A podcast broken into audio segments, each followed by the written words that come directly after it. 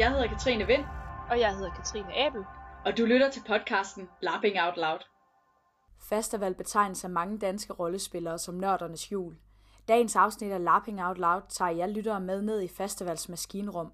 Vi var heldige nok til at få besøg af Louise Flor Frelsen, der er scenarieansvarlig og selv er erfaren forfatter, og Johan Senior Jul Hansen, der kort efter optagelsen viste sig at modtage årets æresauto for mange års frivilligt arbejde på og omkring festival. De tager sammen med bunkermedlem Katrine Abel jer igennem festivals forunderlige verden, med mig, Katrine Vind, som jeres vært. Jeg skal beklage, at vi hopper ind midt i optagelsen øh, lidt bræt. Der var nogle tekniske lydproblemer, men vi starter med Jorans præsentation. God fornøjelse. Okay, Start med historien. fair nok. Jeg hedder Jon. Jeg startede med at komme med på festival i 97, og var øh, startet i infoen, og hvor jeg blev vildt provokeret, fordi at de i infoen sad og spillede Puzzle Bubble. Jeg kan, jeg, jeg kan stadig lukke øjnene og se den her øh, person sidde og spille Puzzle Bubble, mens der stod en person foran ham og sagde, jeg har brug for hjælp, jeg skal et eller andet. Og øh, to sekunder, to sekunder, det her det er meget vigtigt. Postle, postle, postle. Jeg kan huske, hvor provokeret jeg blev. Så til evaluering, så bankede jeg i bordet og sagde, det er for dårligt, og det her, det, det kan vi simpelthen ikke tillade som gruppe, og vi skal gøre noget andet. Og så blev jeg informor. og, det var, og jeg havde faktisk ikke selv fanget den, at det var det, der for, altså at det er den måde, man gik til det på. Men, men det, det tror jeg er rigtig, rigtig godt, og det er en af de ting, jeg synes, der er fantastisk ved festival. Det er, at, at festival tager det drive, folk har. Et eller andet sted der er jo en utrolig stor magt og kraft i vrede og i irritation, og ej, hvor er det altså også for arveligt, at de kan finde på sådan noget. Og lige pludselig så ender det med at sige, jamen så, så er det 3 2 1 lad os bruge den kraft til noget andet. Lad os få det virkelig. Så hvis man eksploderer i hovedet på Mads Havshøj, så øh, kan man få noget ansvar. Ja. Meget gerne. Øh, men, men det var den vej, jeg fik infoen dengang. Så, så gik jeg ind og lavede nogle ændringer, som jeg synes var meget bedre dengang. Det, det kan I andre så diskutere, om det var eller ej, men det, var, det, var, det lavede jeg nogle år. Så, har jeg, øh, så startede jeg banketten op dengang. Det var da Sally og Peter, øh, Peter var led, eller chefer i to, øh, 2001 Nats Eventyr. Det år, der startede jeg, øh, eller der kom de og sagde, vi vil gerne det her nye koncept, men vi ved ikke lige, hvad det skal være endnu. Og det blev så caféen. Jeg havde det et år eller sådan noget, og så tog øh, en af de andre og løb og skabte noget meget, meget bedre. Men tanken var der, og ideen om, at konceptet, hvad gør vi egentlig med det begreb? Hvad får vi til? Vi får jazz, jazzsanger, vi skal, vi skal prøve nogle ting af. Og så står vi her i dag. Det synes jeg er fantastisk. Øhm, så har jeg været banket og madudlevering og alle mulige forskellige. Et eller andet sted, så for mig har det været fantastisk, det vi kan skabe med festival som helhed. Og så sige, jamen, hvor er det egentlig, der mangler kræfter? Og så har jeg fået lov til at lege der. Ja, for du har også været, øh, været general på festival. Øhm, vil du ikke prøve at forklare, hvad en øh, general på festival er, for dem, der måske ikke ved det, der lytter med? Øh, jo, det var jeg i 2007. Øhm, og var, som det gjorde de meget ud af dengang, den første kvindelige general efter, efter Mette Finderup. Og hun er jo sådan en lille, sød, kærlig sjæl, som jo slet ikke er en fantastisk stærk kvinde, som man kan se op til. Så det var jo overhovedet ikke særlig intimiderende at tænke, øh, det kan jeg da sagtens. Men, men, men som, som general, som sådan festival, øh, vi sad og snak, øh, diskuterede det med nogle øh, venner lige inden her, og, og reelt set festival kører, kører relativt øh, selvstændigt alle de her områder. Så det du gør som general, det er at sørge for, at der er gode arbejdsvilkår. Og sige, altså hvis du er heldig, så er der en vision, vi kan bære. Enten har du den selv, eller så finder du de rigtige mennesker til at have de her visioner. Og så for, jamen, hvor er det, vi skal hen? Og så bringe det i spil. Det er en mulighed, der, og, øh, og så skal du sætte et team, der gør, at de folk, så når der er, en, der er en lort, der opstår, så kan den løbe op af, så kan den blive grebet, så der er ikke nogen, der går i stykker på det. Fordi vi er bare frivillige kræfter. Vi skal have energi alle sammen, og det skal være pisse fedt at være arrangør på festival. Det er generalens opgave. Apropos øh, frivilligt arbejde, så øh, kan vi jo til den utrolig lange liste allerede også tilføje øh, dit øh, arbejde i Alea, øh, som er øh, foreningen bag festival. Ja. Hvad, er, øh, hvad er din rolle i forhold til det her har været? Jeg har været bestyrelsesmedlem, øh, medlem, formand og lige nu næstformand. Men reelt set, så Alea er jo lidt samme tankegang som bunkeren i form af det at sige, jamen vi er de der rammer inde bagved. Så for Alea er det reelt set at sige, jamen, hvad skal der til for, at det er nemmere at være bunker? Og hvad skal der til for at være nemmere at være general? Det vil sige, det er de her ydre rammer, der danner tingene, der kører mellem valgen, eller mellem valgerne. Og hvis der er nogle problematikker, som faktisk bliver, der, som dræner bunkeren, jamen, så skal den gerne over til os. Det er sådan nogle ting, vi gør. Så det var en, øh, en lille, øh, diskret kort liste af frivilligt arbejde, du har øh, bidraget med i årenes løb på festival. Øh, Louise, hvis vi øh, hopper over til dig. Hvad, øh, hvad har øh, du lavet på festival sådan af arrangørarbejde? Jamen altså, jeg er jo øh, noget af en grønskolding i forhold til Johan, må man sige. Kalder Men, øh, du mig gammel? Det er nej, jeg kalder dig mere erfaren, og jeg har været ind over mange felter. Øhm, nej, jeg, øh, jeg kom på festival første gang i øh, 2005, og var fuldstændig blown away af hele det der rollespil, og hvor magisk og fantastisk det var. Og på, allerede på vejen hjem øh, i sådan ungdomsskolebussen, for jeg kom der med ungdomsskole på det tidspunkt, øh, så var jeg bare sådan, nej, hvordan kan jeg gøre mere af det, og tage festival med mig hjem også. Og så var vi bare sådan, vi er nødt til at skrive et scenarie. Og så sammen med en ven, og så øh, sendte vi et scenarie et til året efter. Og så har jeg, ja, siden da skrevet 10 scenarier. Og så har jeg været øh, dommer i 2012, fik jeg lov til at være med og få læst en hel masse scenarier og lære en hel masse af det. Øhm, og så øh, nu har jeg så fået lov til i år og til næste år at være scenarieansvarlig. Hvad indebærer det at være scenarieansvarlig? Øh, det indebærer rigtig mange forskellige ting. Den sådan store post, som man mest ser udad til, er, at øh, ja, op til festival, så er der en masse forfatterspirer, der gerne vil have lov til at skrive, der sender os synopser, hvor de forklarer, hvad ideen er. Og den, nu siger jeg vi, fordi vi er to scenarieansvarlige. Det er ikke mig, der sidder med den helt alene. Øh, den anden øh, sammen med mig er øh, Niels Jensen. Øh, og hvad hedder det? Øh, jamen, så læser vi de her synopser igennem og prøver at udvælge et, et godt felt og et bredt felt, som kan spænde ja, både øh, erfaringsmæssigt bredt og indholdsmæssigt bredt. Øh, derudover er der selvfølgelig en hel masse andre chancer, som primært går ud på at hvad skal man sige, hjælpe forfatterne i mål. Øhm, der bliver holdt nogle workshops for forfatterne, øh, blandt andet også den her forfatterweekend, hvor vi tager ud og ja, sørger for, at der bliver dannet rammer om at have tid til at skrive og arbejde på det. Øh, der bliver, ja, vi hjælper med at skaffe sparringspartnere, så folk kan få nogen at tale med om deres idéer, som forstår, hvad alt det der rollespil går ud på. Og ja, det er sådan, det er sådan de store chancer inden for det. Altid, så øh, nu er det jo øh, mig, Vind, der er interviewer i dag, og det er jo fordi, at øh, vi også har øh, Abel, som er øh, en af ekspertpanelet i dag. Fordi du øh, sidder jo i bunkeren som, øh, som en af de syv hovedarrangører nu. Ja. Vil du ikke øh, fortælle lidt om det? Jo, jamen øh, festival bliver jo kørt og faciliteret af bunkeren, øh, også kaldet hovedarrangørerne. Og øh, som Jorden var inde øh, på tidligere, så er Lea sådan, øh, den formelle forening bag, og bunkeren er så sådan udøverne. Så øh, vi hjælper alle vores mega seje medarrangører med at, øh, at lave festival. Og det, øh, det tager... Øh, sådan 500-600 plus timer hen over et år. Øh, og det er pisse fedt. Det er jo ikke øh, os, der som sådan fysisk øh, sætter en oase op, eller laver en bar, eller skriver et scenarie, men øh, vi er med til at hjælpe med at facilitere, at andre har muligheden for det. Så det er mega fedt. Ja. Nu øh, har vi lavet en øh, præsentation af al den her festivalviden, så øh, nu laver vi en lidt øh, løsere samtale, hvor I bare øh, byder ind undervejs, for der er jo en masse ting, vi er nysgerrige på, og som vores lyttere er nysgerrige på. Øhm, blandt andet så med alle de øh, poster, I har, alt det frivillige arbejde, I laver, så øh, første spørgsmål er vel, øh, hvordan kommer man til det? Åh, oh, den er nem. Jorden? Fordi for det første går man jo ind reelt set og siger, jamen hov, det her, jeg har lyst til det her. Øh, GDS-chancerne for eksempel. Mm. Og sige, jamen hvis jeg, jeg, jeg vil gerne lave noget, et eller andet på festival, men jeg ved ikke, hvad det er. Jamen fair nok, så har man GDS-chancen til at gå ind og kunne finde ud af, hvordan er det at være kiosk, hvordan er det at være info, hvordan er det at være DB'er. Så kan man prøve af, og hvis der så er det sted, hvor man er interesseret, så tager man fat og siger, jamen det kunne jeg jo egentlig. Hvad er en GDS? Gør det selv, øh, konceptet. Netop, fordi vi er jo, altså festival, der er jo ikke nogen, der arbejder og, og får løn på festival. Så derfor så gør vi alle sammen noget for at få det her til at løfte i fællesskab. Og nogle arrangør, altså arrangørposter som sådan kræver selvfølgelig noget arbejde, noget samarbejde forud, så de har ikke den samme. Altså der, der kan man ikke bare komme gående ind for gaden. Men der er jo bare mange mennesker on-site, der skal løfte, som blandt andet at lave det her rum og sætte det op. Og i den forbindelse så er det relevant at have nogen, der bare kan, nogle ekstra kræfter, der kan trække ind. Ja, altså man kan jo så sige, at i sådan en rigtig festivalånd, så uh, øh, GDS gør det selv jo så lavet til gør det sammen. Så uh, det er jo den uh, sådan kooperative del af det her.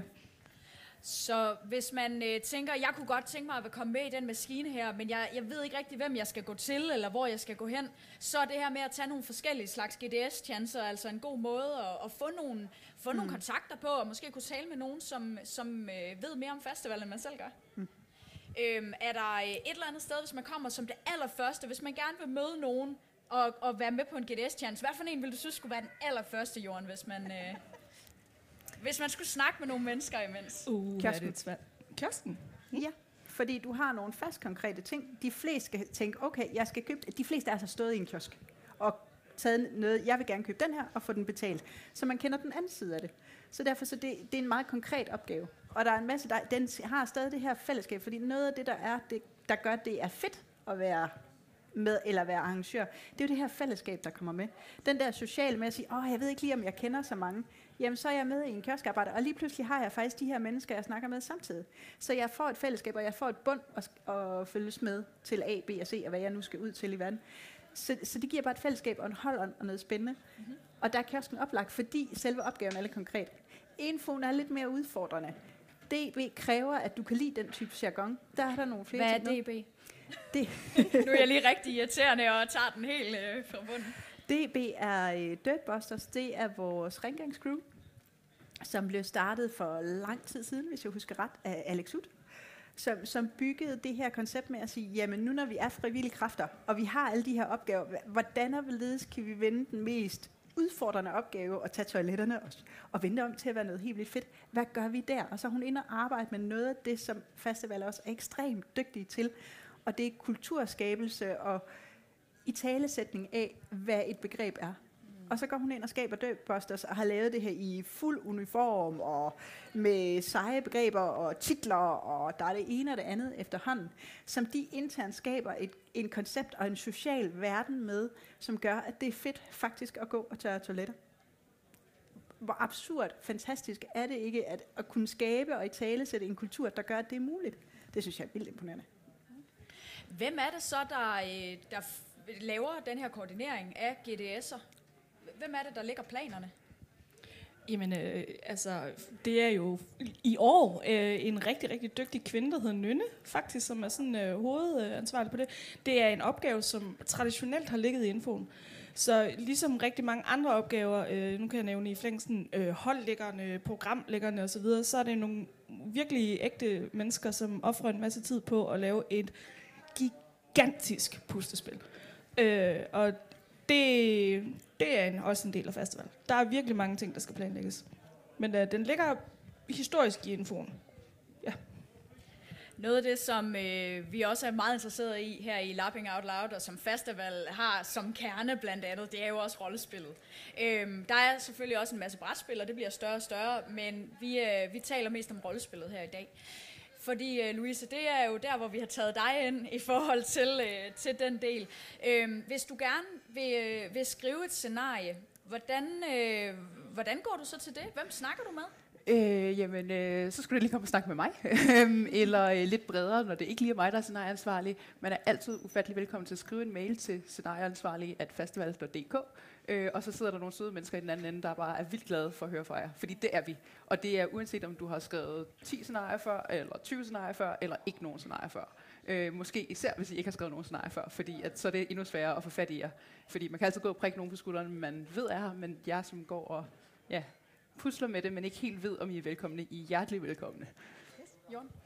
Er der ikke også noget med, at I kører en form for mentorordning i det? Øh, vi har sparringspartnere, jo. Øh, og det er lige præcis det samme. Så hvis man, hvis man nu ikke helt ved, hvordan man skal gribe det der an med at skrive en synopsis, eller hvordan man skal gå til det, så må man også gerne bare skrive og sige, jeg havde lidt en idé, og jeg ved ikke helt, hvordan jeg skal gribe det an. Og så er der nemlig nogle erfarne forfattere, som rigtig gerne vil hjælpe til. Og så sætter vi os sammen med dem og siger, om øh, er din idé noget med, øh, med øh, meget action, så kender vi nogen, der er gode til det. Eller skal det være noget med meget følelser, så kender vi nogen, der er gode til det. Og så får man nogen, som man kan snakke med om altså idéudvikling, og selve det at skrive synopsen, som er det, man skal sende ind for at få udvalgt scenariet. Jo, det, og der bliver også holdt øh, workshops om altså idéudvikling og synopsiskrivning, som man kan komme til fysisk, eller vi også begyndt at have dem ja, online, fordi der jo netop er festivaler ud over ikke bare hele Danmark, men også rundt omkring i verden, og vi vil rigtig gerne have, at alle kan føle sig som en, en del af gruppen, og få den hjælp, de gerne vil have, og vide, at de er velkomne. Hvor meget bruger I Alexandria i det? Øh, hvor meget vi bruger Alexandria? Ja. Øhm, altså, vi, vi bruger Alexandria som sådan øh, erfaringsbase i forhold til, uh, øh, hvem ved vi lige, der har skrevet scenarier, der er relevant for det her. Så kan vi godt være sådan, nå, ja, det er da rigtigt. Øh, han har været super god til det, eller hun har lige skrevet noget om det, og så ved vi, at det er dem, vi skal have fat i. Øh, vi bruger det ikke så meget som, som basis til at kommunikere med folk, udover det, øh, men selvfølgelig også som hvad man sige, kilde til at dele erfaring, i og med, at vi lægger scenarierne op, sådan så at man kan også nogle gange sige, det er en super spændende idé, du kan måske få noget, øh, noget input og nogle idéer til, hvordan andre har arbejdet med lige præcis det koncept ved at læse de her par scenarier, eller bare lige skimme lidt af det. Irriterende interviewerspørgsmål igen. Hvad er Alexandria? det er jo det der med, når man har et internt sprog, så er man nødt til at lige prøve at, at Men det er godt, og det er, også, det er også hyggeligt at blive mindet om det. Sådan, Nå ja, der er alle de her ting. Alexandria er den her, uh, alexandria.dk forresten for din hjemmeside, uh, er det her fantastiske initiativ, som jeg tror uh, oprindeligt startet af Peter Brodersen, uh, hvor at uh, festivalscenarier, efter de er blevet spillet her, bliver lagt op uh, i pdf-format, så man kan få lov til at læse det. Det er ikke alle snart, der bliver lagt op, men, men vi håber på at få så mange som muligt op altid, og der er selvfølgelig også for mange tidligere år, hvor man ikke lige har, dem, øh, har adgang til dem, men så er der i hvert fald også information om, hvad år kørte det, hvem har skrevet det, så man måske ved, hvad man skal prikke, hvis man gerne vil have en kopi. Og nu siger vi jo øh, scenarie til festival. Hvad er det særlige ved et festivalscenarie? Kan jeg ikke bare skrive noget af det, jeg plejer? Uh, det er et forfærdeligt godt spørgsmål. Og jo, det kan du jo sådan set godt, eller det kan man selvfølgelig an på, hvad du så plejer at skrive. Det, det mest begrænsende, der er inden for festival, er selvfølgelig, at det skal kunne køres på festival på en eller anden måde. Hvad betyder Men, det? Det, ja, det betyder, at det skal i hvert fald kunne foregå på et gymnasie i påsken. Øhm, det, så jeg, prøver at sige så bredt som muligt, fordi vi har selvfølgelig lidt nogle standardrammer, hvor at der er nogle øh, normale længdeblokke eller lange blokke, som er de her fem timer, tror jeg, de lever på nu, og nogle novellescenarier på to timer. Men der er jo også der har også været helkonscenarier gennem tiden, og forskellige andre former, så hvis man har en eller anden sindssygt fed idé, som bare kræver, at man kan have øh, to blokke efter hinanden, eller, eller andet, så er det bestemt ikke udelukket, så det er ikke krav. Men det, som måske er særligt karakteriserende i forhold til, hvad nogen måske laver derhjemme, er, at der skal skrives rigtig meget ned. Fordi det er en del af traditionen, at det er ikke nok, at du selv ved, hvad det er for en historie, du gerne vil dele med folk. Det er ikke nok, at du selv har en eller anden idé om, hvordan det skal fungere, at du skal kunne formidle det til andre, så andre også kan køre det.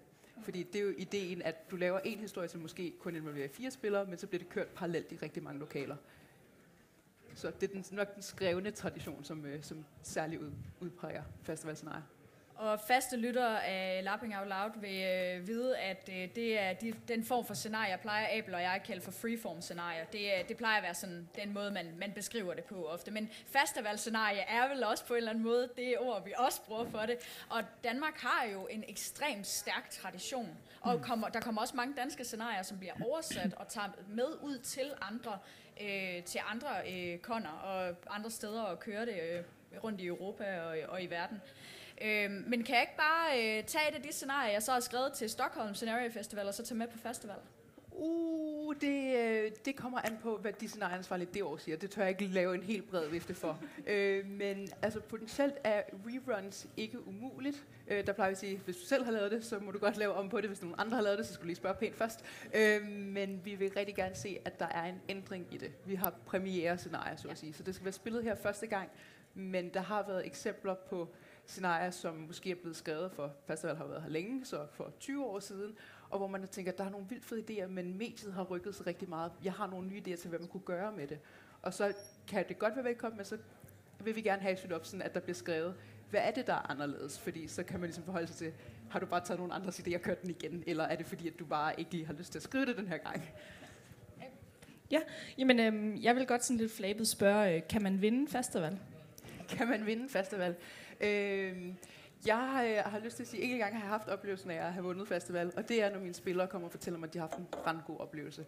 Der føler jeg virkelig, at jeg har vundet festival, fordi nogen har haft den der oplevelse, hvor at de virkelig altså, så det, jeg gerne ville give dem, og gjorde det til noget endnu mere, end hvad jeg havde tænkt derhjemme.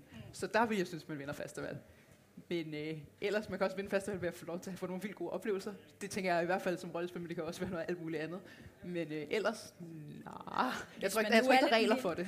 Hvis man nu er lidt mere gamistisk. Hvis man er mere mystisk.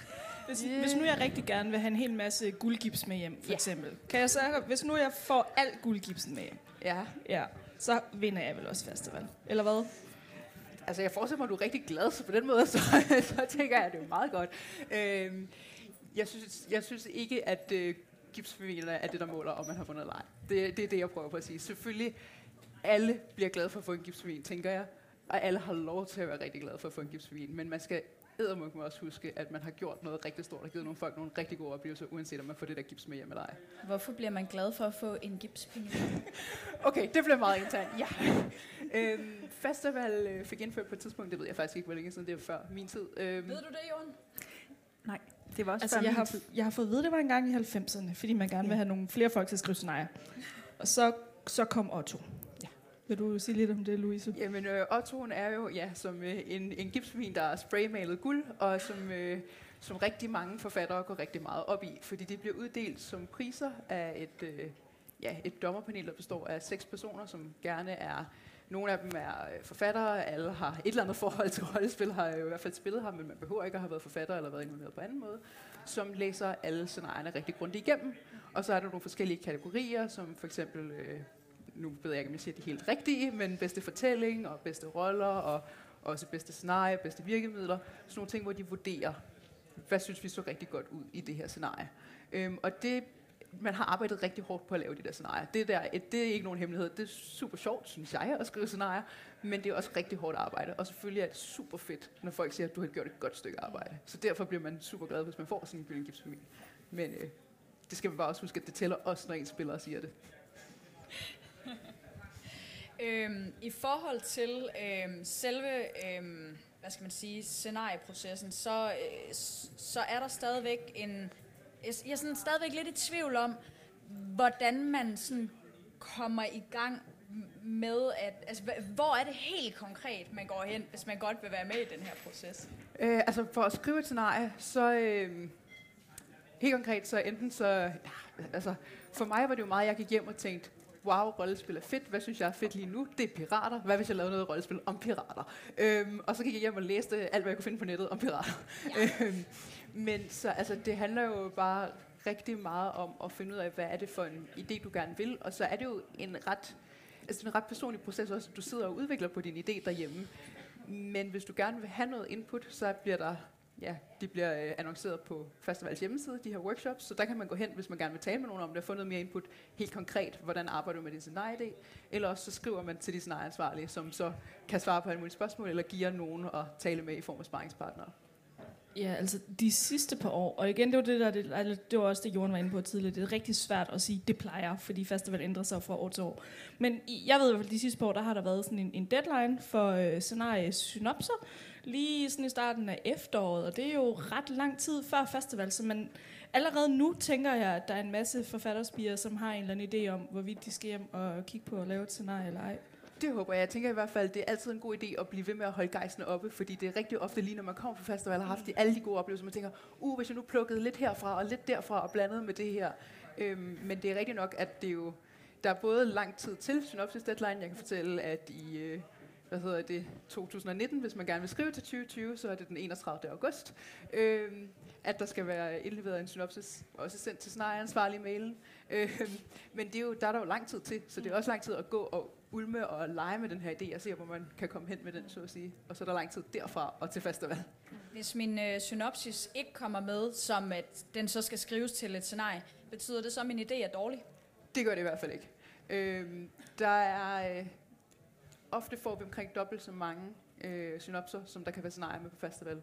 Og når vi siger, at der kan være med, så handler det rigtig ofte om antallet af lokaler, som vi kan have, så hvor mange scenarier vi kan køre. Øhm, og det sker rigtig ofte, at vi får super gode idéer ind, som bare ikke kan få lov til at gå igennem. For der er en masse forskellige parametre, som bliver taget højde for. Det handler ikke kun om, hvor god din idé er, det handler også om, at vi gerne vil ja, have en bredde på indholdet, så det, vi kan ikke kun have 30 scenarier om at slås med drager. Der må også gerne være nogen om postapokalypsen, eller øh, familieforhold, eller alt muligt andet. Øhm, så det er en ting, der er bredt. En anden ting, som vi vurderer på, er, hvor erfarne forfatterne er.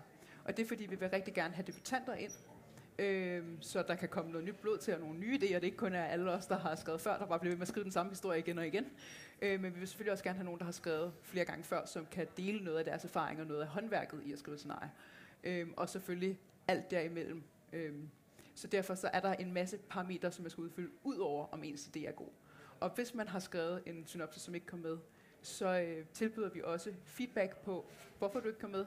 Og så kan det jo være, at man siger, ja, i år var der bare rigtig meget, der øh, handlede om øh, søslanger. Så, øh, så måske prøv til næste år, fordi hvis der har været mange scenarier om det i år, så er der nok ikke så mange synopsis om det til næste år. Øhm, og det kan jo også godt være, at der måske er en eller anden lille detalje, som gør forskellen, fordi når vi har fået de her fire scenarier om søslanger, så øh, det er dem, hvor vi ikke helt var klar på, hvad man skulle spille i den. Så kan vi sige, at hvis I fortæller os lidt mere om karaktererne, så står den lidt tydeligere til næste år. Ja, for det svære ved de her synopser er jo, at det er kun en side. Så, så man skal virkelig være specifik på det, og der er det jo rigtig godt at få talt med nogen, som faktisk har gjort det mange gange før. Der øh, har jeg i hvert fald selv oplevet som forfatter, at øh, når man er debutant, så er folk også rigtig gode til at række ud. Så hvis man spørger om hjælp, siger, er der nogen, der gider at læse mit scenarie igennem? Altså man, man bliver sværmet i henvendelser på det. Altså det, øh, for, der er virkelig godt community omkring det, i hvert fald på festivalen. Jeg har været utrolig stolt til workshops og den slags af alle de gavede typer, som bare er så glade for at dele ud og tale om det, og gerne vil hjælpe de nye, der kommer. Jamen, øh, jeg vil egentlig gerne hoppe til sådan et, et helt andet emne, men selvfølgelig stadig inden for, øh, for festivalgenren. Johan, øh, du er jo også tryghedsvært. Ja. Vil du ikke øh, fortælle lidt om, hvad en tryghedsvært laver på, på festival? Vi slapper af og drikker kaffe. Fedt, det vil jeg gerne være næste år så. okay, vi laver lidt mere end det. Lidt mere end det. Ej, det, det, det er jo igen de her ting, der udspringer af miljøet, både af hvad der er behov og hvad der er drift. Altså, hvad behovet vi er kommet til, vi har forståelse for, nu det er det, der sker. Der er, øhm, hvad det er for noget drive, folk har, der gerne vil ændres.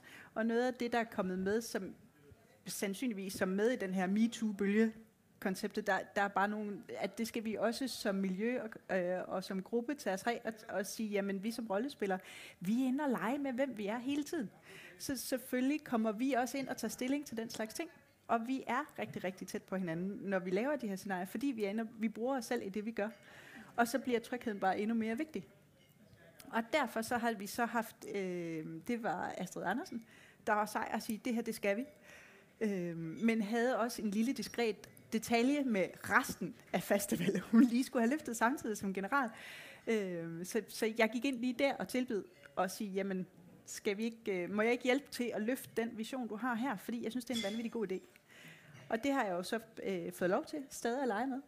Øhm, og basically så er det det at være sikker på at kunne skabe et trygt rum for alle. Fordi vi kan alle sammen, vi er her tusind mennesker, og vi kan alle sammen have en dårlig dag, vi kan alle sammen lige blive ramt af et eller andet, hvor vi tænker, okay, det her det ved jeg ikke lige, hvordan jeg skal forholde mig til, hvad gør jeg så? Og der er det rart at have nogen at dele det med, lige at vente med, både hvis man ikke har nogen venner i nærheden, eller også bare hvis vi siger, jamen jeg kunne egentlig godt tænke mig at høre det her fra en vinkel, der ikke er den, som vi har hjemme fra den kultur, jeg kommer fra. For hver forening har sin egen kultur. Og så kan det være rart lige at vende med en og sige, jamen okay, kan jeg lige realitetstjekke den her? Eller kan jeg lige blive rummet? For jeg synes faktisk, det her det var helt overvældende. Det her, det scenarie, det var slet ikke det, jeg troede, det var. Lad os gøre noget andet. Øhm, så, så på den måde, så, giver, så er vi der sådan set, vi er der for at drikke kaffe, men vi er der for at kunne skabe det rum, som netop en kaffe, og det, det er derfor, jeg bliver ved med at referere til kaffen, det er fordi, der er noget utroligt beroligende, og der er også noget utroligt, jeg er ikke farlig, fordi jeg sidder med noget i hænderne, jeg kan ikke gøre noget. Øhm, så, jeg elsker, så, du snakker om kaffe, så sidder du og krammer et cocktailglas. Cocktailglas skyder også, Lige men det må jeg ikke gøre, når jeg vagt. Det er godt, det er en podcast, vi laver, og ikke øh, videofeed. Moving on. anyway, drinks er også okay. Men, men hele ideen af det her med at kunne skabe et plads, hvor vi også kan gå ind og sige, jeg er faktisk ikke perfekt hele tiden. Nogle gange så er jeg faktisk lidt på greb. Og det er upåagtet, om det er dig, der kom til at sparke nogen over knæet, eller om, det var, om du blev sparket over knæet. Begge sider er relevante, fordi jeg, jeg tror personligt ikke, og det, det, det er vigtigt for mig at sige, jeg, jeg elsker festival, fordi det er det her kultur og samfund og, og fællesskab, vi skaber. Det er noget, vi leger med sammen. Men det betyder jo også, at for mig, så det jeg leger i, det er meget det at sige, det skal være et trygt sted at være, det skal være et fedt sted at være. Hvad kan vi som helhed have brug for lige nu? Fordi det der med at skulle være arrangør sammen og stå skulder ved skulder, jeg elsker det. Og det betyder også, at jeg har været rundt rigtig mange steder på festival, netop fordi det er ikke så vigtigt for mig, hvad jeg arbejder med, men at vi som helhed gør det sammen. Og derfor giver tryghedsværterne rigtig, rigtig god mening ind i det, for at sige, jamen, hvad er det, vi har behov for nu? Det er at kunne sige, i en situation, hvor der sker et eller andet, to kommer op og træs, vi giver så mange kræfter på festival, alle sammen, fordi du lige pludselig er sammen med tusind mennesker hele tiden. så det at kunne blive presset ud over egen grænser og gøre et eller andet, det kan vi alle sammen komme til. Og jeg tror ikke på, at der er onde mennesker. Det, der, der er selvfølgelig nogen, der er lidt psykisk afvigende. Måske også potentielt set på festival. Det skal ikke 100% kunne hverken bede eller afkræfte. Men, men jeg tror ikke på, at vi som mennesker og eksistenser egentlig er onde per natur. Jeg tror, vi kan komme til at lave nogle virkelig dumme handlinger engang med, men jeg tror, vi virkelig kan lave nogle ting, som kan opfattes som en ond handling, og, og derfor blive tillagt en masse begreber. Men reelt set, så tænker jeg, at, at det er nemt bare at sige, jamen så er du sådan en, der er ond, og jeg vil for evigt for he, altså jeg vil for evigt for verden til at have dig, fordi så har jeg den, jeg har det godt med at være til en god. Det er rigtig meget nemmere. Øhm, men det er også et eller andet sted lidt nemt. Ja, altså, ja, fordi jeg tænker i virkeligheden, så kunne det jo også bare være en situation, hvor man har knoklet i 400 timer den sidste, de sidste 6 måneder, og nu står man her, og man afvikler, og man elsker det rigtig hårdt. Man er på 16 timer om dagen, man har en hel masse ansvar, man har en masse medarrangører, som forventer noget af en, og så crasher man bare. Yes. Og så tænker jeg, det er jo ikke det er jo, man er jo ikke nødvendigvis et dårligt menneske. Vi skal bare hjælpe hinanden. Ikke. Og det er der, så længe der er en læringssituation, og du laver ikke en læringssituation ved at sige, at den person er ond, jeg er team god. Øh, du laver en læringssituation ved at sige, at den her situation, den var godt nok noget hø. Hvad kan vi gøre? Hvad var det egentlig, du oplevede? Hvad var det, jeg oplevede? Er det okay, at jeg mærker, at, at jeg ud fra det, jeg oplevede, mærket, som jeg gjorde? Ja, ja, det er det. Det er faktisk helt i orden. Og så lige så stille blev, altså blive talsat til at sige, jamen vi er to individer, vi ramlede sammen lige der, hvordan og hvorledes kan vi begge to komme derfra med en positiv, en positiv oplevelse, eller, eller i hvert fald sådan, så vi er begge to i den perfekte verden går vi derfra med en positiv oplevelse. Jeg siger, ja, du sparkede mig over knæet, men du har sagt undskyld, og vi har fundet ud af, at det handlede faktisk ikke om, at du ville sparke mig over knæet. Det handlede om, at du faldt. Ja. Og det er lige pludselig en meget, meget stor forskel om man ser det som den onde person, der gik hen, direkte hen, sparket over knæet, og så gik videre, fordi, ha, så kan du lære det. Eller om at sige, hov, han faldt, og, og, og så blev jeg faktisk sparket over knæet. Og jeg tror på, at, eller min indre kompas siger, at, at 99% af situationer, så er det reelt set, fordi personen i en eller anden form faldt. Netop fordi vi har presset os selv så meget. Og derfor er det så vigtigt at kunne rumme begge sider, fordi jeg ikke tror, at der er nogen ond i det her men at vi skal se som hele mennesker, der kan lave en fejl. Mm. For det kan vi sgu alle sammen. Og så handler det om, okay, hvordan højner vi derfra? Hvordan og hvorledes finder vi hinanden igen? Mm. For så står vi stærkere. Det, okay, der blev jeg en lille smule... Man bliver helt fejret op. Ja. I må altså også sige til i uh, publikum, hvis jeg har nogle uh, spørgsmål til uh, panelet, fordi så uh, skyder vi det afsted efter dem. Tryghed, var der øh, mere, du ville øh, spørge ind til der? Nej, altså jeg, jeg synes bare, det kunne være lidt interessant at have en samtale om, fordi nu er I jo begge to, øh, egentlig er vi jo sådan set alle fire dybt begravet i, øh, i festival. Øh, organismen har jeg lyst til at kalde den, fordi det er jo enormt mm. kompleks organisme med alle de her meget forskellige artede, meget kreative og også på nogle måder nav- meget navleskuende øh, sådan grupper af, af arrangører især. Øhm, og noget af det, jeg synes, der er det rigtig spændende, det er, så sidder vi her, og så er der ja, tusind mennesker, der kommer, og så fungerer det bare hele alligevel. Det, det synes jeg, der er lidt fantastisk. Eller hvad? Er jeg den eneste, der godt kan blive sådan vildt benåret over det? Altså, jeg har jo været øh, vildt fascineret af, at du siger, det bliver meget navleskuende, og så sidder man her med sin lille gruppe af forfattere og synes, de er mega seje. Og så på et eller andet tidspunkt, især efter at scenarierne er blevet indleveret, og så frem til festival, så lige pludselig er der nogen, der skriver et spørgsmål. Øhm, hvordan får jeg hjælp til at printe mit scenarie? Og så tænker jeg, det aner jeg ikke, men jeg har lovet at være den, der kan svare. øhm, og så siger jeg, det finder jeg lige ud af. Og så øh, kigger jeg i panik på listen over arrangører, og så har jeg heldigvis min øh, number one person aktivitetsansvar, øh, Marie Oselovski i år, som bare har reddet mig tusind gange. For hver gang der var et spørgsmål, hvor jeg tænkte, det aner jeg ikke. Så skrev jeg til hende, og så tænker jeg, hun svarede præcis det samme og sagde, det finder jeg lige ud af, og så kom hun med et svar til mig.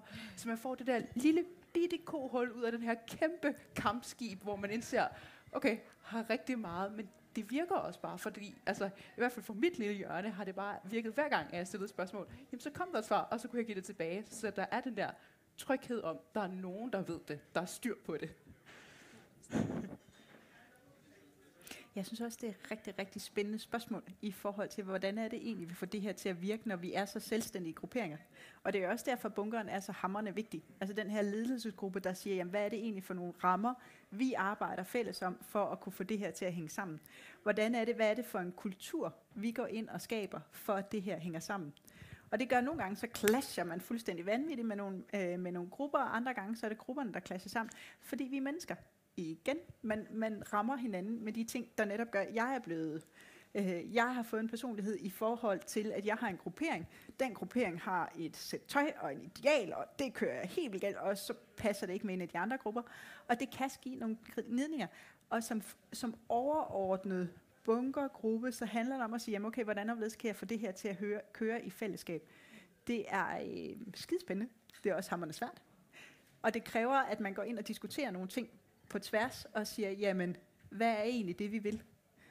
Og hver gang vi har taget, nu fortæller jeg igen, at jeg måske har været her et par år eller et par dage, men, men, men det her med, hvad, hvad er det, der er... Jeg har set taget igennem Skovse tog den år, Ole tog den år, og siger, hvad er det egentlig for nogle, hvad er det vores kerneværdier egentlig er? Og så ryger vi tilbage til, jamen det handler jo til snart, det handler til rollespillet, og det handler til øh, brætspillet nu, når den også kommer med. Og hvad er kernen i det? Hvordan støtter vi op i det? Og det er jo derfor, det er så fascinerende, at vi reelt set kan komme og sige, jamen som lille ung og ny, du får en kæmpe bunke hjælp med alle de ting, så du har mulighed for, at alle kan få lov til at vokse med. Og det gør også, at du føler dig tryg, du får flere stjerner med, der reelt set siger, jamen så bliver niveauet altså også bare det højere, fordi du får hjælp hele vejen, og vi har flere at vælge ud fra. Det er super, super fedt. Helt sikkert. Og det er Ja. enormt. Ja, altså vi havde, nu, nu siger jeg vi, fordi jeg, sidder, jeg er så privilegeret og havde fået lov til at sidde i bunker i år. Og vi havde en snak øh, på allerførste bunkerweekend, som det så fint blev kaldt, hvor vi var sådan lidt, hvad er festival? Mm-hmm. Øh, det er virkelig et svært spørgsmål at svare på, men, men vi blev sådan ligesom enige om, jamen festival det er øh, det, er det kreative fællesskab. Fordi festival er jo udad til premiere rollespil og premiere brætspil og en hel masse andre fede aktiviteter. Men, men for dem, der laver festival, så er festival det kreative fællesskab. Fordi uden det, så, så findes vi ikke. Vi kan ikke lokke nogen til at stå og servere toast klokken kvalme om natten, eller øh, stå her i baren og blande drinks øh, 12 timer om dagen, hvis ikke det er fordi, det er sjovt at gøre det. Og, det. og det bliver det kun, når vi har de der fællesskaber, hvor man selv får lov til at være en aktiv medskaber af det. Og det, jamen, oh, det kunne jeg snakke længere om. Det er, det er så fedt. Så fedt. Ja, og vi... Øh, havde du noget, Jørgen? Det var igen en reference, jeg har brugt lidt tid at diskutere det her med, med, med vennerne, nu når der var nogle få detaljer, man lige kunne vinde med folk alle steder, fordi alle er interesseret i festival. Men noget af det, vi... Alle, alle er. alle, specielt her, er overraskende årsager. men men øh, noget af det, som vi også snakkede om, det er det her med, at, at festival er en organisme, meget mere end det er en fast, konkret ting, fordi det handler meget om det drive, folk kommer med. Det handler om, jamen, både hvad har vi egentlig behov lige nu, kan vi se, om vi kan få dækket det inden for den arrangørgruppe, vi har, men også rollespillere er jo, i hvert fald i min indre mindset, relativt intelligente væsener. Mm. Øh, vi har brugt meget tid øh, med næsen i en bog. Der, der er noget IQ der, der på, trods alt bliver påvirket. Øhm, og i det så får vi også nogle stillinger, der gør, at vi bliver relativt specialiseret i forskellige detaljer. Det vil sige, at i den her lille flok af tusind mennesker, så har vi nogle kækkeas specialister på forskellige felter. Og de vil, på, de vil blive kommet ind i det her og sige, ej, det må I simpelthen tage jer sammen, det her, det kan I gøre bedre. Nu skal I høre. Og så kommer den næste arrangøransvarlig lige der. Og på den måde, så bliver vi rykket som organisme, og vi, kom, vi bliver sejere og sejere for hver år. Festival for 10 år siden var en, det ved jeg ikke, meget anderledes end i dag. Og nu prøver jeg desperat at finde nogle ord for det, der ikke lyder som om, jeg rækker ned for, for dengang, fordi jeg synes, det var fantastisk også allerede dengang. Men vi er bare blevet vanvittigt meget bedre. Og vi tænker meget mere bredt nu, og vi får tænkt mange flere ting ind i det. Og se på, jamen hvad, vi er jo, i dag går vi jo fra bedsteforældre til børnebørnene mm. i aldersrappe, hvor de fleste af dem er der selv. Og alle de her mennesker skal vi have skabt plads til. I starten gjorde vi det og tænkte, okay, den der alder der mellem 10 og 20, de kan nok være derinde, og dem der mellem 20 og 30, og resten sender vi barn, det går fint. Øh, hvor, hvor i, nu der er det jo meget mere, hvad er det for nogle fællesskaber i fællesområderne? For ja, vi har kernen, vi har brætspil, og vi har scenarierne, men hvad har vi mere end det? Hvad, hvordan kan vi bringe det sammen? Kaffekronen er et fantastisk koncept at starte op. Fordi det netop går ind og siger, jamen det her handler ikke om, hvilken alder det har. Det handler om, hvilken interesse, der ligger i det. Og vi laver exceptionelt god kaffe, og vi kombinerer det med det at sidde og lave brætspil. Så reelt set, så er det interessen, der højner det, og så er det fuldstændig ligegyldigt, hvilken alder du har. Og så virker det. Så lige pludselig, så virker det som, at vi tusind mennesker, det er en af de største mængder af folk, vi har været på en festival, og det føles jo ikke som at have presset. Der er altid plads nok. Der er altid en plads nok. Festival, øh, som vi taler om, øh, synes vi jo alle sammen er super fedt, og det, men noget af det, som, øh, som jeg i hvert fald altid tager med, det er war stories. jeg tænker på, om I, om I har nogle øh, sjove anekdoter om øh, festival på den ene eller den anden måde, som øh, jeg har lyst til at dele med lytterne. Uh, Og der er sket en ting eller to i årenes løb. Ja. jeg vil gerne, du starter, for min den er grum. Uha, øh, altså så langt havde jeg jo øh, slet ikke tænkt. Jeg kan godt komme på øh, masser af skøre war stories, men om nogen af dem er, øh, er relevante for andre mennesker, der ikke står der selv. altså, øh, det, det er meget fjollet. Jeg følte mig stadig meget velkommen dengang, vil jeg gerne sige up front. Øh, men jeg havde jo øh, første gang, jeg øh, kom og skulle være forfatter, øh, der 16-årig sammen med min... Øh, og hun har nok været 17-årig veninde, og kom til det her, øh, det var også sådan en workshop-møde inden, og så med alle de her seje typer, som havde skrevet de der vilde scenarier, som havde set året før. Og de begyndte at forklare det ene og det andet. Og lige pludselig blev det sådan helt stille, de stoppede og kiggede rundt og var sådan, den, det kan godt blive meget internt. Har I egentlig været på festival? Hvor jeg tænkte, hvordan skulle jeg ellers være endt til det her møde i en kælder i København? Men altså, det var meget hensynsfuldt. Det var, jo, øh, det var jo rigtig venligt at lige at tage den og være sådan, de her to stakkels teenagepiger, ved de, hvad de er gået ind til? Jeg synes, jeg hørte tidligere i dag, at piratpigerne stadigvæk hænger ved øh, Mikkel Bækgaard. Altid. Hvad med dig, Johan? Jeg har to. Den ene, det er sådan ligesom apropos det her med at sige, at vi er øh, udviklet rigtig, rigtig meget som festival gennem tiderne. Dengang jeg var infomor, der var der stadig det her koncept, eller der var dengang også det her koncept med, at øh, DB'erne og infoen, vi skulle kæmpe imod hinanden, og vi skulle gå helt op, og lørdag skulle der være demonstration, og de skulle gå i strejke, og så finder vi en, en måde at løse det på. Så er det egentlig bare hygge, som det plejer. Men, og, og det koncept kørte også der. Det kan være, at vi lige skal sige, at der er lige blevet, øh, blevet erklæret krig mellem Infoen og Dirtbusters her for et par dage siden på Festival 2019. Igen. Igen. Og det er Så meget det er derfor, sørgeligt. det er. Øh, DB'erne synes, det var super træls, de orkede det ikke rigtigt. Men, men indføren udfordrede dem på Open TV, og så må man jo stille op. altså, så, man kan jo ikke bare gå ned på sådan en udfordring. Lige meget.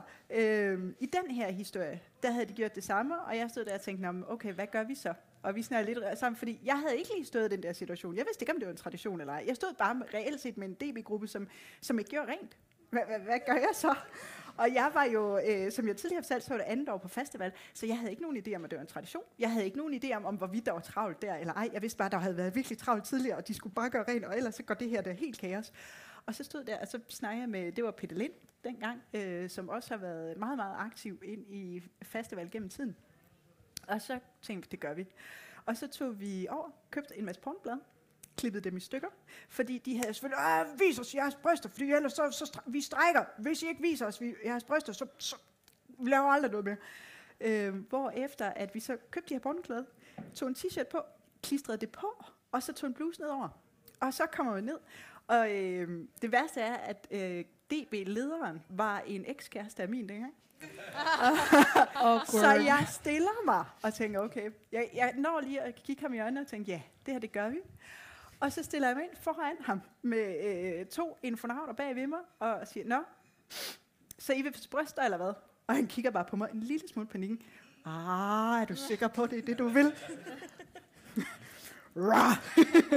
Og så viste vi jo øh, ja, t-shirt til folket. Og så blev der lige pludselig god og gave, og det snakkede de om et stykke tid, fordi det var alligevel ikke der, de havde, det, det havde de ikke troet. så det var den ene, det var, men det var jo en empowering. Det ville aldrig være okay i dag, men det var det dengang. Øhm, så det er den ene historie. Den anden, det, så nu sætter vi fokus på en gang, hvor jeg synes egentlig, at jeg gjorde det meget godt. Og så sætter vi så over i den anden side af sagen, hvor man jo også kan være. Fordi det år, hvor øh, jeg var skoleansvarlig, eller en af de år, hvor jeg var skoleansvarlig, og øh, øh, var general, og der var helhedsmand, og jeg skulle bare, jeg havde sådan en agenda om, at det her, det skulle simpelthen være det år, hvor det var, vi gik fra helvedesmandag, det, vi var i processen fra helvedesmandag til vidundermandag, og det her, nu skal vi bare være logistisk skarpe til det her, og det skal gå gnidningsfrit, og der er ikke noget her, fordi det må bare ikke dræne folk. Det har hele tiden været en af mine drives, det er det her med, at jeg må ikke dræne, med, eller dræne de frivillige. Det skal være fedt at være frivillig, det skal være sejt at være frivillig. Hvis, hvis h den er så hård, så gør vi noget ved det. Og det kan vi. Vi er super, super skarpt struktureret. Vi får lige det simet op, og jeg havde skovse på, og jeg havde, det var en ekstremt dygtig gruppe, og de var kick-ass. Dengang, der tog oprydning, det kunne tage flere dage, og folk var drænet, og vi kom altid tilbage til de aarhusianske skoler, fordi vi ikke gjorde det godt nok, og de var vældig vrede osv. Og her, det gik fantastisk. Hvis jeg husker fær- øh, ret, så var vi færdige med en 12 og 2. Det var sådan fuldstændig vanvittigt. Bortset fra, at vi så ikke kunne finde nøglen. Fordi, hvor var skolenøglen? Vi snakker om, at jeg havde 20 arrangører, der rodede op og åbnede samtlige skraldeposer for at gå skraldet igennem for at finde de lorte skolenøgler. Øh, men vi accepterer, at det er sådan, det er. Vi må ringe til pedellen og sige, at vi har let i flere timer, vi kan simpelthen ikke finde de nøgler. Vi er så kede af det. Øh, vi tager afsted, og vi sidder fuldstændig udvæset, langt over normalt tidspunkt, og sidder hen i, øh, og, og får en bid mad, før vi tager hver til sit. Jeg åbner min taske. Og hvad ligger der i tasken? I det sekund, jeg bliver sådan helt stille, og så lukker jeg øjnene, og jeg kan stadig se for mig, hvordan jeg egentlig sidder der fuldstændig balleret om morgenen, og skal det her køre, og der kommer den her person og siger, nu er det dig, der har vagten, skide godt, Jorden. Og af en eller anden grund, så registreres det ikke ved mig. Så jeg har sendt 20 arrangører igennem skraldeposerne fra en hel valg, fordi jeg ikke lige husker, at de var blevet lagt i min taske. Au, au, au, au, au. Overraskende nok, så er det en, jeg stadig hører, for man forstår det jo ikke. Det er sådan en lille sag. Ej. Nå, så ja. Jamen, øh, må jeg øh, slutte af med en lille en også? Så jeg det er ikke, det er ikke så meget en war story. Eller, det er sådan lidt... Sidst, jeg var øh, bunker øh, sidste år.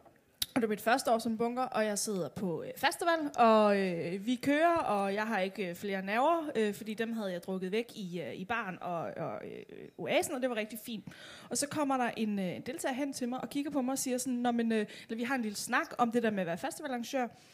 Og så siger vedkommende, Nå, men hvordan har du så arbejdet dig op? Og så bliver jeg sådan en lille smule stille, fordi jeg forstår sgu ikke lige helt spørgsmålet. Sådan, øh, hvad, hvad mener du om det? Nå, men hvad startede du som?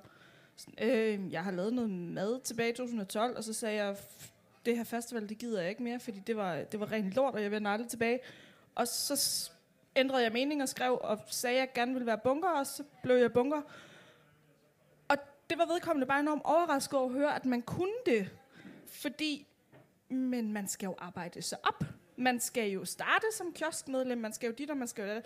Og det, det, det fik mine øjne op for, at jamen, det er der måske nogen, der tænker, at man skal. Men, men i virkeligheden, så handler det jo bare om, at vi har et kæmpe arrangement med en masse mennesker, der kan en masse ting. Og hvis man har lyst til at bidrage, så skal man fandme bare sige, hey, jeg kan det her, jeg vil det, øh, kan I bruge mig? Så, så please, altså til alle dem, der hører det her, m- man behøver ikke være gammel i gårde eller intern, man behøver ikke forstå halvdelen af det, vi har snakket om i dag, for at få lov til at lege med. Og jeg kan se, der er et, øh, et spørgsmål fra, må, må fra jeg salen. skrive en kommentar med til den først? Fordi jeg er både Ja. ja. enig og uenig. Og jeg, jeg er enig, fordi ja, der er det her med, at det er drive, der skubber os alle sammen, så hvis vi har lyst, så kom der med.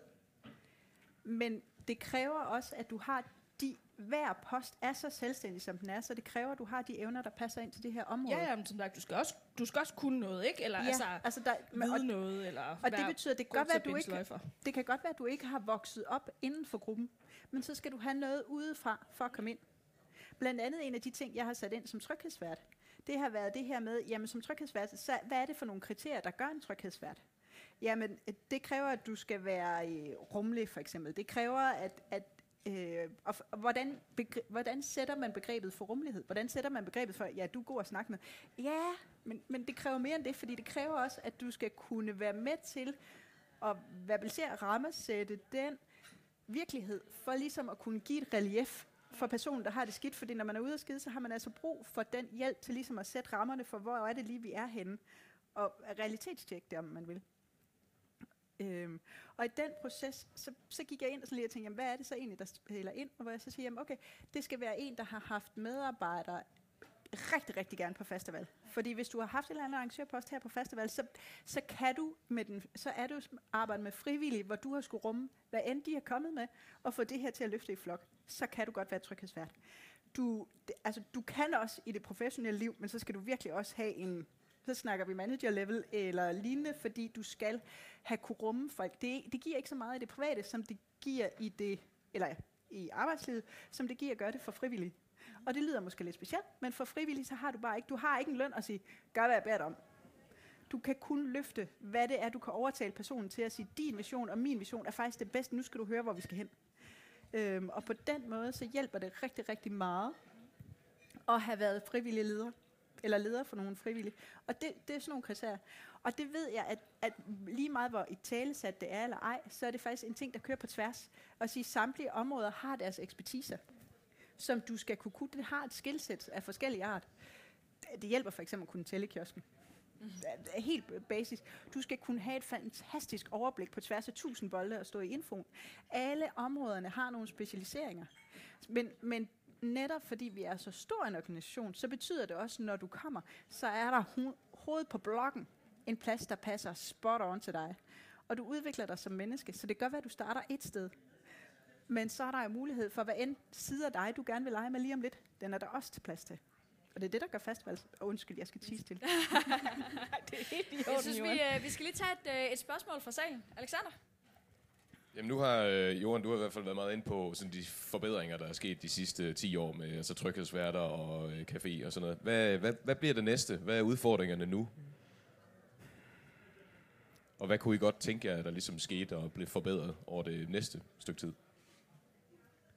Må jeg svare, eller vil du svare? Jeg tænker, øh, for organisationen har du nok meget bedre øh, fide på rundt omkring de forskellige felter. Nej, jeg tror faktisk, at Katrine har bedre øh, fingeren på pulsen for mig. Jeg ser det måske lidt mere fra en overordnet lige nu, hvor jeg tænker, at øh, de ting, der dræner folk lige nu, der hvor folk bliver presset, det er igen før, altså fordi der er de fede områder, der kan man sagtens bruge masser af energi. Det er faktisk ret fedt at stå i bar under valgen. Det er, rigtigt, det er super, super hyggeligt at have poster under valgen. Alt, hvad der foregår før valgen og efter valgen, de er lidt sværere at motivere til. Og så er der de ting, der de stedet hård fysisk arbejde, hvor vi alle sammen er ved at, at være en lille smule trætte. De poster, dem skal vi bare have bragt gerne sådan meget som overhovedet muligt. Så en af de ting, som vi arbejder på i Alea, det er lærer for at sige, at vi skal sørge for at få et bedre mulighed for, at alt det her med læret, det, vi er kommet så langt, så det ikke ligger i Aarhus, som det gjorde på et tidspunkt. Vi er eller uden for Aarhus, så vi skulle køre frem og tilbage med alle tingene. Nu ligger det i Hobro, men det er på flere forskellige lokationer, og nogle af dem er op på første sal. Og det er jo rigtig, rigtig godt at have, øh, have alt stående der, for det er ikke særlig tungt. Eller det gør, at, at sådan nogle ting. Øhm, formanden for Alea, Martin Lind, han, han gik ind og sagde, okay, hans vision for det her, det er at have en lagerplads. Der er betongulv, der er vægge, og det er et område. Så vi bare kan placere det hele ind, så der ikke er forvirring og rod, men hver område har sin plads, og så er det kørt. Vi kan bare køre direkte ind og køre direkte ud. Det er ekstremt lavpraktisk og kedeligt at diskutere drømmen om betongulv. men, det er sådan, men det er det jo. Men, men på den anden side, så er det en af de steder, der er super hårde. Trokkerne er bare nogle af dem, der har en af de der jobs, der bare aldrig bliver set. Og det er ikke spændende, og det er til gengæld på alle de der tidspunkter, hvor folk ikke længere er med til at lege. Så hail to truckerne. Dem skal vi hjælpe. Hvad siger du, Abel? Jamen, øh, altså, det er jo helt korrekt. Det, det er noget så kedeligt som det praktiske af, mm-hmm. af en udfordring. Jeg tror, en af de uh, kommende udfordringer fremover, nu har jeg siddet i bunkeren i to år, vi har skruet rigtig meget på prisen af, af festival. Og det har vi gjort, fordi verden omkring bliver dyrere. Øh, og fordi festival traditionelt har været rigtig billigt, og også stadig er det sammenlignet med, hvad man egentlig får for pengene. Men jeg tror, jeg tror klart, der er en udfordring fremadrettet også, og imødekomme rigtig mange unge arrangører, som også nødvendigt, måske også arrangører, der ikke har de samme øh, økonomiske ressourcer, som jeg for eksempel har, eller også måske i panelet har, og så samtidig akkommodere, at vi gerne vil have øh, et nice sted som Oasen at sidde. Vi vil gerne have en masse lokaler, vi vil gerne have noget god mad, vi vil gerne have noget billig mad. Øh, der, der er sådan en, en grundlæggende udfordring, tror jeg, i at finde ud af, skal festival blive en mere luksuriøs kongres, eller skal vi blive ved med at selv bygge alting? Hmm. Øhm, så det, det tror jeg er udfordringen fremadrettet. At finde ud af, hvor, hvor skal den lande henne, og kan den landes? Som jeg har set øh, i forhold til scenarier, så øh, er der øh, måske en udfordring med øh, spilledere. Hvad tænker du, Louise? Altså, der, er- øh, det er meget de samme troopers, der, øh, der tager den igen og igen. Det er rigtigt. Og altså, al heder og ære til øh, spillederansvarlige. Jeg øh, ved, at i år så lykkedes det dem at finde spilledere til folk i alle lokaler, og det er bare super fantastisk. Men det er også rigtig hårdt, og det er også rigtig hårdt for især unge, nye forfattere, der måske ikke har lige så meget øh, netværk at trække på selv, og skulle ud og prøve på at stemme dørklokker mere eller mindre og sige, gider du at køre mit scenarie, fordi jeg vil også gerne blive spillet, når nu jeg er med på festival. Øh, og det er jo super fantastisk, at vi har spillederansvarlige, der hjælper med det. Men som, som du også siger, Katrine Vind, øh, at øh, så, øh, så er det jo rigtig svært, at det er de samme, der skal tage den hele tiden. Så når, hvis du først har ligesom meldt dig under fanerne som spilleder, så får du måske lov til at spille mindre og mindre på festival. Fordi når, nu har du spillet et et scenarie, så kan du jo godt tage to eller fire også, og så er der lige pludselig meget lidt festival tilbage at spille scenarie på selv. Øhm, vi har talt lidt som den store drøm sammen med øh, spillederansvarlige. Det var øh, Thor øh, Fejerskov Nielsen, tror jeg, og øh, hvad hedder det, Sofie Falk, som øh, talte om den her fantastiske idé med at øh, lave noget samarbejde sammen med øh, rollespils efterskolerne. Og måske prøve at lave nogle spiltest der, så de kunne få lov til at se scenarierne og vide præcis, hvad det var, de gik ind til, for netop også at få nogle unge spilledere og vise, at du kan Mega godt være spilleder, ja. selvom at du ikke har været på festival 20 gange før. Øhm, så øh, det er en super fed idé, som vi rigtig gerne vil arbejde sammen med dem om. Det lyder rigtig godt. Det, øh, det vil jeg i hvert fald også gerne øh, støtte op om, fordi det kan være rigtig svært det der med at finde øh, spilledere, og jo flere man er, jo flere forskellige typer runs får man også, så det ikke er den samme, der står og, og laver alle scenarierne. Helt sikkert. Men øh, vi er faktisk allerede øh, løbet tør for tid. Det, øh, det går hurtigt, når man har det sjovt. Jeg vil sige uh, tusind tak til øh, Joran, Louise og øh, ja, Abel i dagens anledning som Ja, mest ekspert. bare Jorden og Louise.